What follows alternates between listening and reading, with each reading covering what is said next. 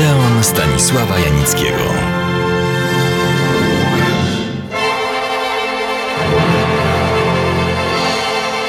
Niektórzy uważali, że jest konkurentem Marlona Brando. Rzeczywiście był, ale tylko w tym sensie, że tak jak każdy prawdziwy, ambitny aktor, chciał zaznaczyć swoją odrębność, swój sposób gry, swoje rozumienie świata, swój stosunek do ludzi i swych bohaterów. Ale tych dwóch aktorów znacznie więcej łączyło. Niezwykle ważne uczestnictwo w nowojorskim Actors Studio. Podobne doświadczenia i równie urozmaicone, żeby nie powiedzieć burzliwe życie. Kogo mam na myśli? Paula Newmana. Urodził się 26 stycznia 1925 roku na przedmieściach Cleveland w stanie Ohio. Jego ojciec, Arthur Samuel, był żydowskim emigrantem z Polski, właścicielem sklepu ze sprzętem sportowym. Matka, Teresa, katoliczka, pochodziła ze Słowacji.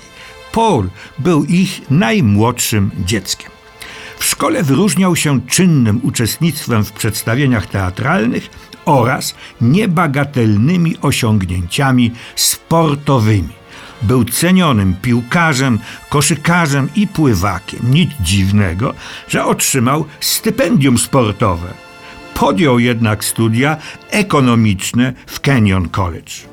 W roku 1943 został zmobilizowany i służył przez dwa lata jako strzelec radiotelegrafista w amerykańskich morskich siłach powietrznych. Dowództwo proponowało mu, by został pilotem, ale badania lekarskie wykazały, że Paul Newman jest niestety daltonistą. No, chciałoby się powiedzieć, chwała Bogu.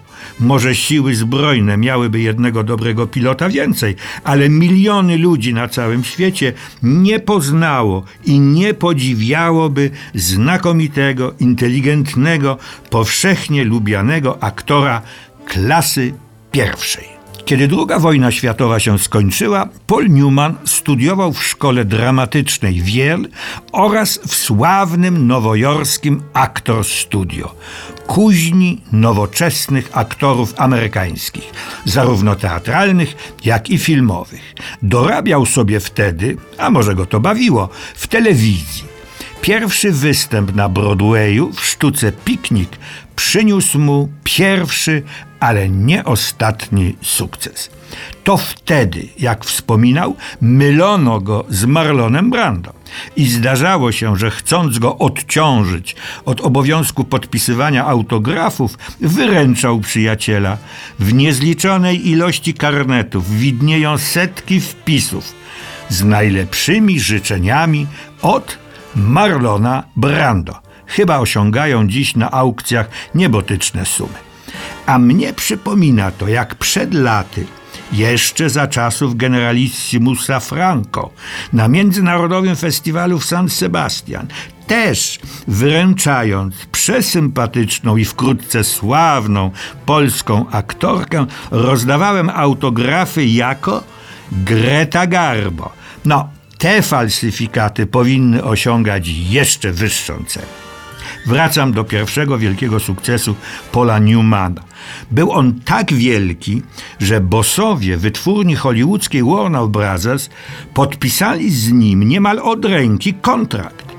I tak w roku 1954 pojawił się Paul Newman po raz pierwszy na ekranie. Film nosił tytuł Srebrny Kielich i okazał się kompletną klapą, do której tak Bogiem a prawdą nasz młody wówczas aktor walnie się przyczynił. Zresztą sam to widział, czego dowodem ogłoszenie, jakie zamieścił w najpoważniejszym amerykańskim czasopiśmie branżowym Variety, w którym przepraszał widzów za swój występ. Bosowie Warner Brothers mieli jednak dobrego nosa i nie odstawili Pola Newmana na boczny tor. Nie minęły dwa lata, a w 1956 roku wszedł na ekrany film Między linami ringu w reżyserii Roberta Wise'a z Paulem Newmanem w roli głównej. Grał sławnego boksera Rocky Graciano. I to grał fenomenalnie. Publiczność szalała, prasa chwaliła, a producenci zacierali ręce, bo kasy były pełne. Lata 50. to były dla Paula Newmana lata tłuste. W ciągu trzech lat zagrał jeszcze w siedmiu filmach. Spośród nich wymienią dwa. Długie, gorące lato w reżyserii Martina Ritta i Kotka na gorącym blaszanym dachu w reżyserii Richarda Brooksa. Za pierwszy Paul Newman otrzymał na festiwalu w Cannes nagrodę jako najlepszy aktor, a za drugi pierwszą nominację do Oscara. Oba filmy były oryginalnymi adaptacjami znanych, wybitnych dzieł literackich Williama Faulknera i Tennessee Williamsa.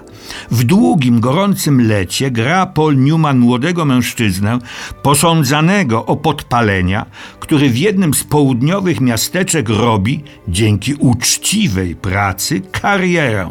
Nawet władający miasteczkiem boss chce go uczynić swym następcą, żeniąc ze swoją córką. Ta jednak odmawia. Tę rolę grała John Woodward, przyszła żona Newmana. Kotka na gorącym blaszanym dachu jest dramatyczną i gwałtowną opowieścią o skłóconej rodzinie, skomplikowanych losach jej członków, ale również o znalezieniu w końcu wyjścia z tej matni. Partnerką Paula Newmana była w tym filmie Elizabeth Taylor. Lata 60. znaczyły nowy, pod wieloma względami, rozdział w życiu naszego bohatera. Ale o tym opowiem za tydzień.